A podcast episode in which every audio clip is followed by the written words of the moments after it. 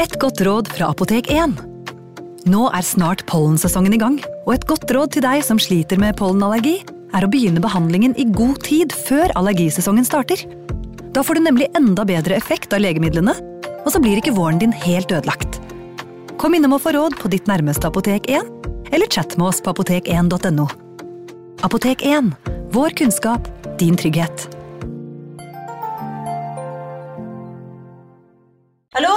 Jeg kommer fra Oslo politikammer.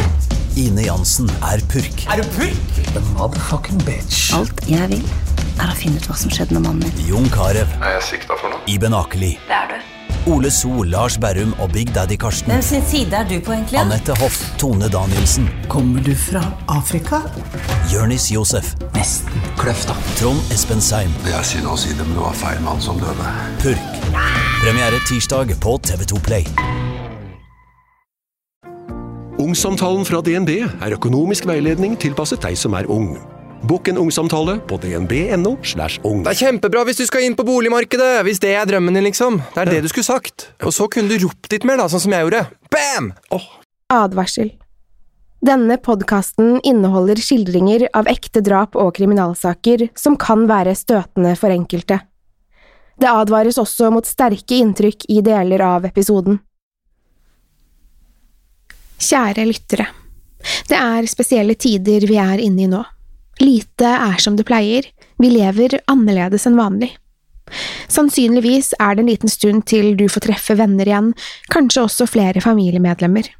Det er tøft nå for mange, jeg ser flere av dere har skrevet at det er som å leve i en film. Ja, det er kanskje det, og i filmer pleier det å gå bra til slutt, og det vil jeg at dere skal tenke på. Vi kommer oss gjennom dette. For oss i True Crime-poden var det veldig viktig å fortsette å produsere episoder slik at vi kan gi dere et lite avbrekk i en uvant hverdag. Jeg sitter nå hjemme på mitt eget soverom og spiller inn denne episoden, og har prøvd å få lyden så bra som mulig, selv om jeg ikke er i Moderne Medias studio. Jeg vil oppfordre alle til å holde seg hjemme så langt det går, vask hendene ofte, og lytt til helsemyndighetene sine råd. Vi klarer dette sammen. Nå over til dagens episode. Det er vanskelig å forsøke å rettferdiggjøre drap. Det er likevel visse tilfeller der man kan forstå en morders handlinger. Drap i selvforsvar, muligens for å beskytte de man er glad i, eller kanskje sterkest av alt, for å forhindre sitt eget barns død. Det var dette Leonarda Cianciulli påsto at hun gjorde. I frykt for sine egne barn så hun seg nødt til å ta liv. Det eneste problemet var at ingen utgjorde noen trussel mot familien hennes. Det Leonarda fryktet, var skjebnen selv, en forbannelse hun mente hvilte over familien, som hun fryktet ville ta livet av alle barna hennes. Leonarda Cianciulli fremsto på overflaten som en vennlig italiensk kone. Hun elsket barna sine og var godt likt i lokalmiljøet.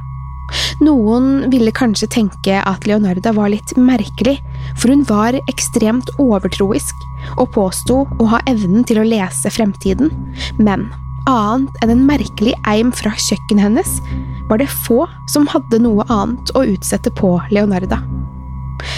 Det var i alle fall ingen som mistenkte at Leonarda var en seriemorder. En seriemorder av den aller mest groteske sort. Dette er historien om Leonarda Cianciulli, også kjent som såpemakeren fra Correggio. Velkommen til True Crime Poden.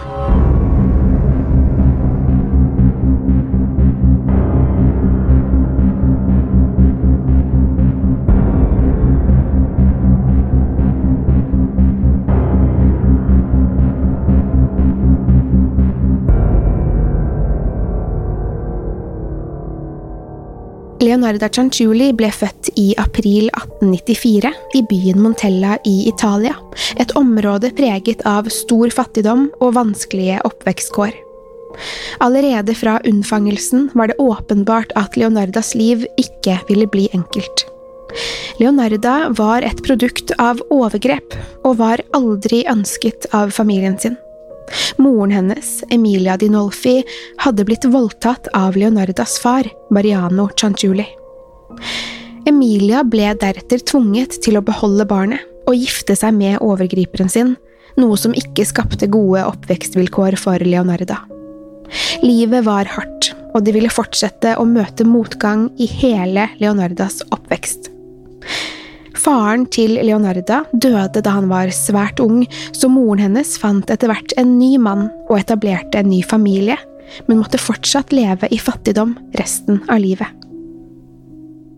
Leonarda ble sett på som en byrde av moren, en konstant påminnelse på overgrepet hun hadde blitt utsatt for, og det vanskelige livet hun ble tvunget til å leve. Dette ledet til at Leonarda ble emosjonelt mishandlet av moren og sett ned på av resten av familien, som følge av at faren hennes var en voldtektsmann. Livet viste seg nesten uutholdelig for unge Leonarda, som ved to anledninger forsøkte å ta sitt eget liv ved å henge seg. Til tross for sin tøffe oppvekst la foreldrene hennes planer for Leonardas fremtid. De planla å gifte henne bort til en mann med gode økonomiske utsikter, og håpet det kunne gjøre livet enklere for hele familien. Leonarda var riktignok ikke interessert i å gjøre som foreldrene ønsket, og nektet å gifte seg med denne mannen, som gjorde moren hennes rasende. Leonarda forelsket seg isteden i Raffaele Pansardi. Raffaele jobbet i postvesenet, han var betraktelig eldre enn Leonarda, og var av lavere status enn mannen Leonardas familie hadde sett seg ut. Til tross for stor motstand fra familien, velger Leonarda å følge hjertet sitt og gifter seg med Raffaele i 1914. Leonardas mor skal ha vært så imot dette at hun skal ha forbannet henne og ekteskapet. Hun var altså ikke bare skuffet over datterens valg, hun skal bokstavelig talt ha kastet en forbannelse på Leonarda og Raffaele. Leonarda var svært overtroisk, og ideen om en forbannelse var nok ikke noe hun tok lett på. Hun ville frykte konsekvensene av denne forbannelsen resten av livet. Leonarda var spesielt fascinert av spådommer, og fikk jevnlig lest fremtiden sin i tarotkort og krystallkuler, og flere av disse spådommene skulle være svært definerende for Leonardas fremtidige valg i livet. Til tross for den negative starten prøvde det unge paret å få ekteskapet til å fungere. De forlater til slutt Montella for Raffaeles hjemby Lauria, i søken etter mer støttende omgivelser. De skal i denne perioden ha levd et relativt rolig liv hvor de forsøkte å få ting til å gå rundt, frem til Leonarda ble dømt for bedrageri i 1927. Omstendighetene for dette er uklare, men Leonarda skal ha sonet en kort fengselsstraff for ulovlige pengetransaksjoner. Paret forsøker å etablere seg igjen på et nytt sted, men fortsetter å oppleve utfordringer i livet. De har allerede lite penger når et jordskjelv ødelegger det nye hjemmet deres i 1930. Dette tvinger igjen paret til å flytte, denne gangen til Correggio i Nord-Italia. I Correggio åpner Leonarda en butikk, som etter hvert blir svært populær. I butikken skal hun blant annet ha solgt såpe, men med hennes påståtte synske evner, kombinert med hennes vilje og ønske om å veilede den lokale befolkningen i små og store valg, er det mye som tyder på at hennes evner som spåkone også trakk mange kunder til butikken. Leonarda var som nevnt godt bevandret i dette feltet, og leste blant annet sine klienters fremtid ved hjelp av tarotkort eller ved å lese håndflatene deres. Leonarda hadde selv blitt fortalt av en spåkone at hun ville gifte seg og få barn, men at alle barna hennes ville dø i ung alder. Denne spådommen var Leonardas største frykt, og ville med årene vise seg at det lå en viss sannhet i spådommen. Leonarda ble gravid hele 17 ganger. Tre av disse graviditetene endte i spontanabort, og tragisk nok døde ti av barna svært tidlig. Leonarda ble derfor overbevist om at spådommen ville bli virkelig, som gjorde henne ekstremt overbeskyttende overfor sine fire gjenlevende barn. Dette var ikke den eneste spådommen som viste seg å være profetisk i Leonardas liv. Visstnok skal hun ved en annen anledning ha blitt fortalt av en spåkone at hun enten ville ende opp i fengsel eller på sinnssykehus. Etter hvert forsvinner også Raffaele fra Leonardas liv, og hun blir dermed aleneforsørger for sine fire barn. Det er ingen konkrete dokumenter som forteller hva som skjedde med Raffaele, men Leonarda fortalte at Raffaele hadde begynt å drikke, noe som etter hvert tok opp såpass mye av tiden hans at det gikk utover Raffaeles evne og vilje til å finne arbeid. Leonarda fikk til slutt nok og kastet han ut. Når andre verdenskrig bryter ut, begynner Leonarda å frykte for sin eldste sønn Giuseppe, som blir rekruttert til militæret. Leonarda er sikker på at Giuseppe, som ble beskrevet som hennes favorittsønn, vil bli neste offer for familieforbannelsen.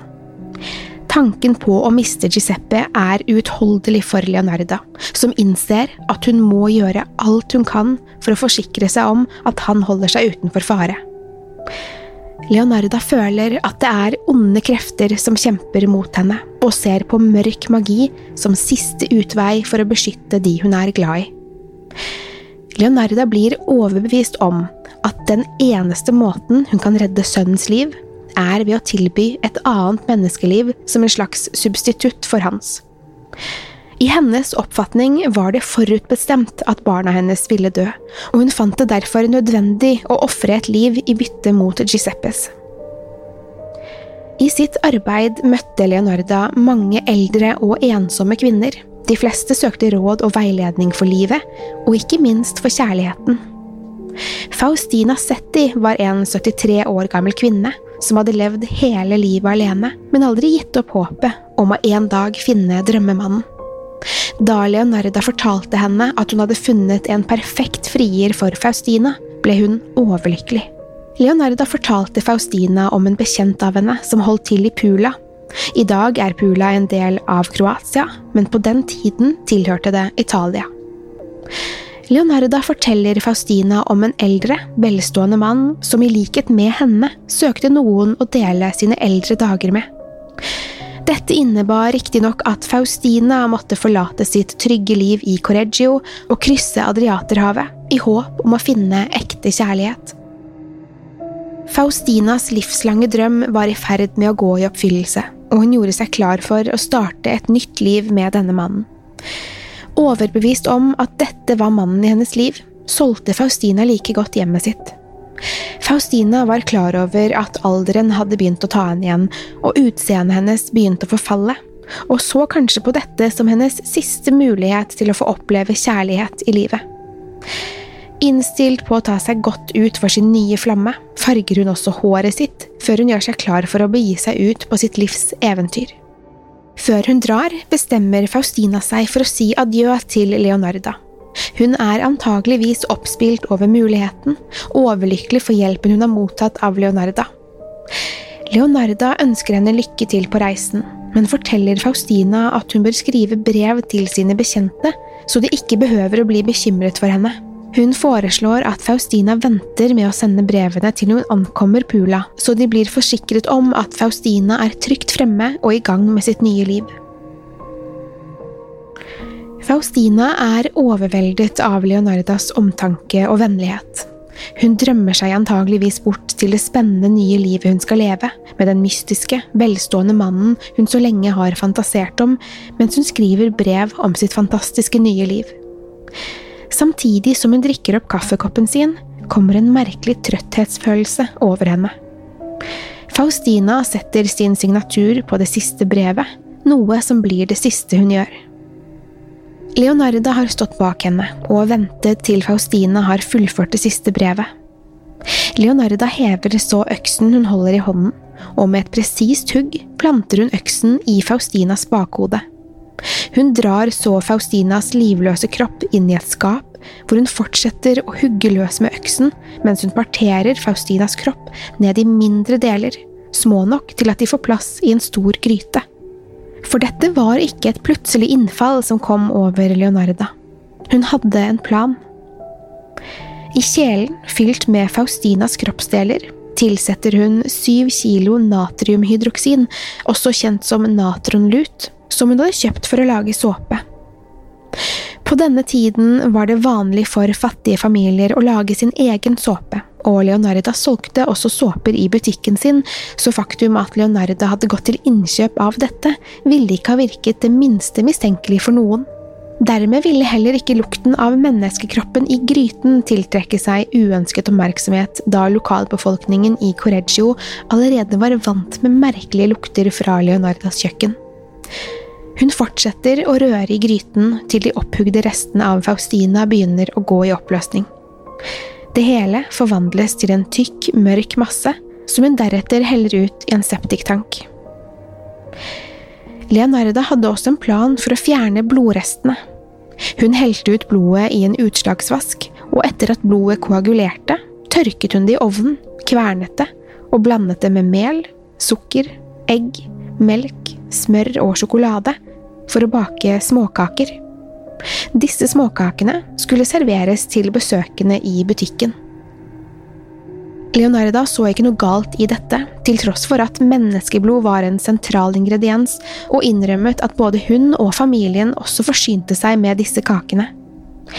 Ideen om å selv ty til kannibalisme, eller å gjøre andre til kannibaler, virket ikke å bekymre henne videre. Men Leonardas plan stoppet ikke der. Hun sendte så sin yngste sønn til Pula for å sende Faustinas brev, for dermed å fjerne all tvil om at Faustina hadde forlatt Correggio i søken etter kjærlighet. Selv om Leonardas motiv for drapet angivelig skal ha vært å beskytte sønnen sin, skal hun også ha nytt godt av drapet økonomisk, da hun satt igjen med alle Faustinas penger. Leonardas neste offer ble den 55 år gamle Francesca Suavi. Livet som arbeidsledig enke var hardt for Francesca, som i likhet med Faustina kom til Leonarda i søken etter spirituell veiledning.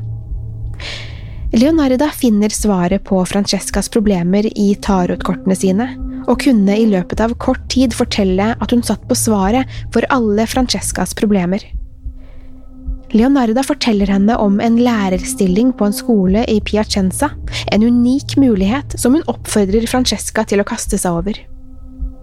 Samtidig forteller Leonarda at hun ikke har noen tid å miste, og oppfordrer henne til å kvitte seg med alle eiendelene sine for å starte sitt nye liv i Piacenza.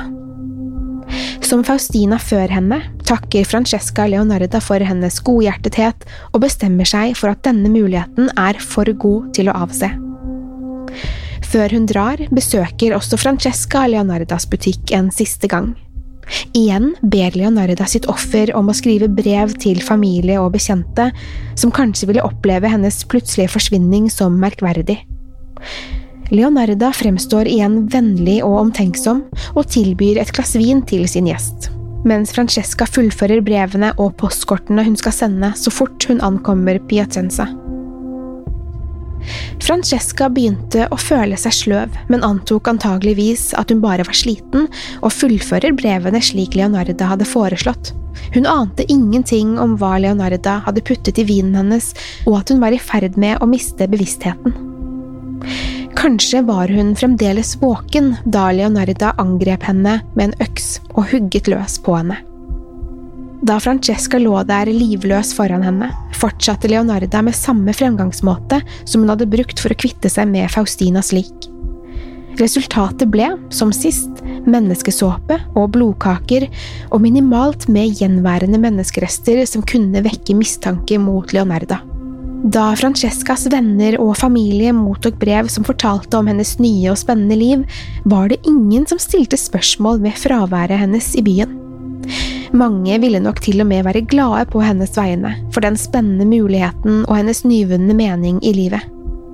Men Leonarda stanset ikke der, og tok i løpet av et år sitt tredje menneskeliv. Hennes neste offer var 53 år gamle Virginia Caccioppo. Virginia hadde i sine yngre dager vært operasangerinne og hadde levd et betraktelig mer glamorøst og spennende liv. Det var ønsket om å returnere til disse svunne dager som brakte Virginia til Leonarda. Ikke overraskende var Leonarda raskt ute med å tilby Virginia en flukt fra hennes triste hverdag. Igjen kunne Leonarda friste med muligheten for å begynne et nytt liv, et helt annet sted, denne gangen som sekretær for en velstående mann i Firenze. Som tidligere presiserte Leonarda hvor viktig det var at Virginia handlet raskt dersom hun virkelig ønsket denne muligheten. Og som med Francesca og Faustina før henne, var det nødvendig å først kvitte seg med alle eiendeler, for å så kaste seg inn i sin nye tilværelse. Leonarda krevde også fullstendig hemmelighold rundt denne avtalen som et vilkår for å organisere dette for Virginia. Som Leonardas to første ofre kaster Virginia seg på denne muligheten, og i all hemmelighet forberedte hun seg på å forlate Correggio. Før hun forlot byen, ba Leonarda henne komme innom butikken hennes en siste gang for å si adjø. Leonarda så ikke noe behov for å endre rutinen som hadde fungert så godt tidligere, og hun dopet ned og drepte Virginia med sin trofaste øks. Videre fulgte parteringsakten, der Leonarda var påpasselig med å kutte offeret sitt i små nok biter til å få plass i kjelen. Det eneste som skilte Virginia fra Leonardas tidligere ofre, var det faktum at Virginia var betraktelig mer korpulent enn de som tidligere hadde endt opp i kokekjelen. I Leonardas egne ord medførte dette visse fordeler. Hun endte opp i gryta, som de to andre. Kjøttet hennes var fett og hvitt, da det hadde smeltet, tilsatte jeg parfyme, og etter å ha kokt lenge nok, kunne jeg produsere en meget akseptabel kremete såpe. Jeg ga såpestykker til naboer og bekjente. Kakene var også bedre. Den kvinnen var skikkelig søt. Leonardas groteske beskrivelser gir et innblikk i hennes forskrudde sinn. Hun uttrykte en glede over å ha resultatene av såpen og kakene, men ingen anger eller skyldfølelse for menneskelivet hun har tatt.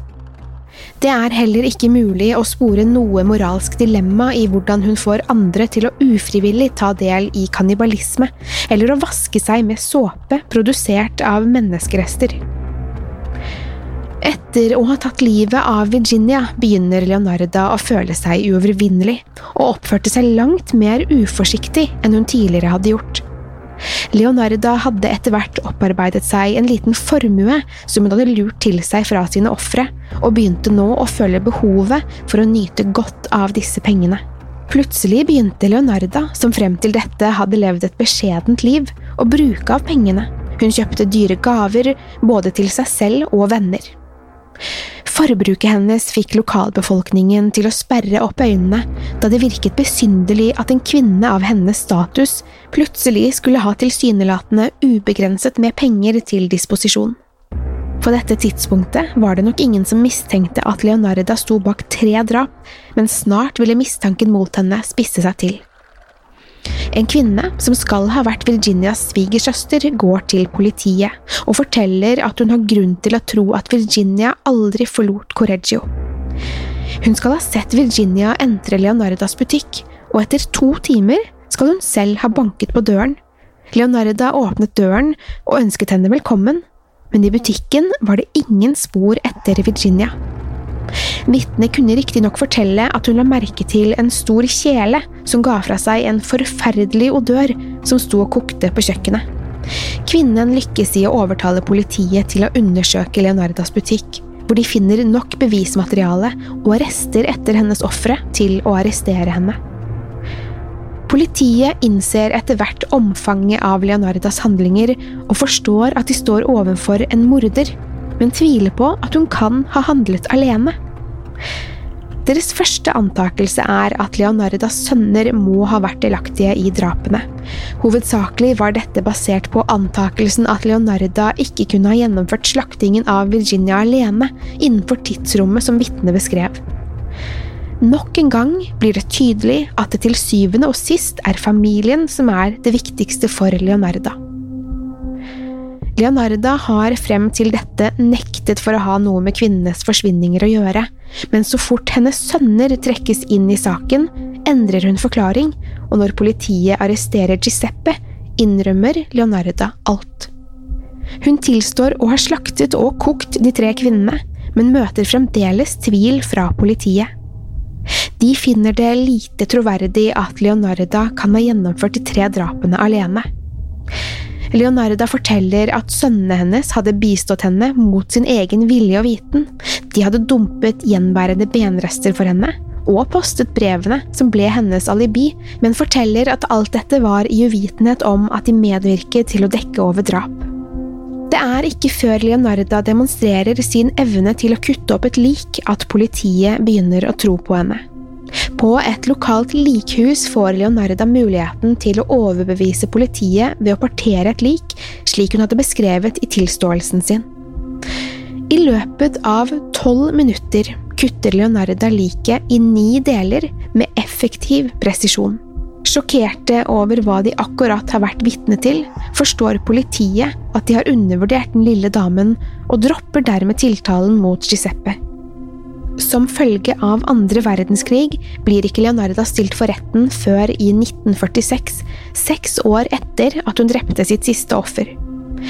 Når rettssaken begynner, er det riktignok en kjapp prosess, og Leonarda fortsetter å villig innrømme sin skyld i drapene. Hun blir dømt til 30 års fengsel og tre år på sinnssykehus, akkurat som spåkonens profeti hadde fortalt henne. Leonarda tilbrakte resten av livet sitt bak murene, og døde av slag i 1970. Til tross for Leonardas opprinnelige intensjon om å redde familien sin, er det vanskelig å se på henne som noe annet enn en ondskapsfull morder. Hun manipulerte ofrene sine, ga dem håp og vant deres tillit, før hun drepte dem og mutilerte kroppene deres. Hun var brutal, men også kalkulert og organisert. Leonarda selv skyldte på sitt vanskelige liv og frykten for å miste det hun var mest glad i, men det er likevel vanskelig å forstå hvordan hun klarte å overbevise seg selv om at dette ville redde barna hennes. Leonarda sa selv at hun drepte for å redde Giuseppe, som hun var sikker på at ville bli drept i krigen. Mange lurte derfor på hvorfor hun måtte ta livet av tre mennesker for å redde hennes ene sønn. Antageligvis var dette i Leonardas sinn et forsøk på å også drepe forbannelsen hun mente hvilte over de andre barna hennes. Faktum at Leonarda hadde fire barn, gir samtidig en indikasjon på at hun ikke hadde noen intensjon om å stanse etter tre drap. For var disse tre kvinnene hennes eneste ofre? Leonarda viste i alle disse tilfellene en utrolig teft til å både planlegge og gjennomføre svært brutale og blodige drap. Det er nesten vanskelig å tro at hun kunne drepe Faustina på en så kalkulert og gjennomført måte, da dette angivelig skal ha vært hennes første drap. Det som til slutt ledet til arrestasjonen, var hennes eget hovmod. Kanskje ville Leonarda også fortsatt å drepe dersom hun aldri hadde blitt oppdaget? Hun hadde perfeksjonert prosessen sin, som etter hvert nesten ble rutinepreget. Mange har også lurt på hva som egentlig hendte med hennes mann Raffaele. Det blir selvfølgelig bare spekulasjoner, men hans plutselige forsvinning, ikke bare fra både Leonardas liv, men også fra alt av offentlige dokumenter, blir umiddelbart mer påfallende når man kjenner Leonardas historie. Drapene var åpenbart også delvis økonomisk motivert, da Leonarda tilsynelatende tok stor glede i å lure ofrene sine for deres sparepenger og verdifulle gjenstander, som hun gladelig benyttet seg av etter at de var døde. Valget om å bruke dette på seg selv kan neppe ha vært motivert av sønnens velvære, og vitner om at grådighet kanskje også var en faktor i drapene, til tross for at Leonarda selv nektet for dette. Valget om å servere blodkjeksene til sine naboer, og dermed gjøre dem til ufrivillige kannibaler, og selge dem såpe laget av menneskerester, er i utgangspunktet ikke handlinger forenlig med en mor som først og fremst er bekymret for sin sønn. Dette er handlinger som bedre beskriver et sykt individ som handlet uten omtanke for andre enn seg selv og sine nærmeste. Uansett om man velger å tro på Leonarda i hennes påstander om at hun handlet ut av kjærlighet, eller om man ser på henne som en kaldblodig morder, forblir Leonarda Cianciulli en unik og interessant figur i kriminalhistorien. Hennes metodiske tilnærming og fremgangsmåte til drapene hun utførte, vitner om en skremmende intelligens og evne til å planlegge. Og ikke minst hennes kreative tilnærming til å kvitte seg med likene putter henne i en helt spesiell kategori med seriemordere. True Crime-poden er produsert av moderne media. Mitt navn er Pernille Tufte Radeid, og jeg vil takke Håkon Bråten for produksjon, lyd og musikk, og Anders Borgersen for tekst og manus.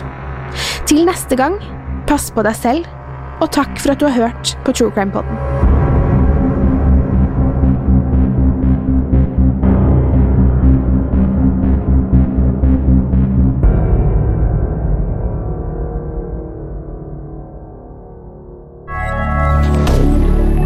Moderne media.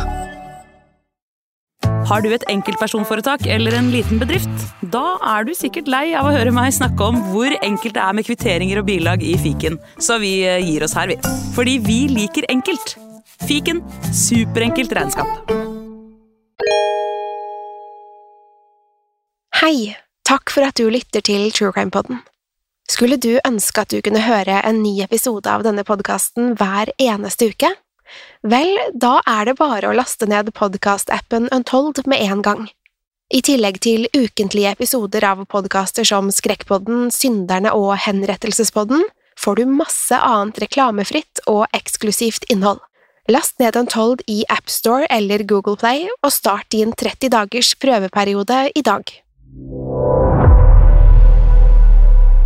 Untold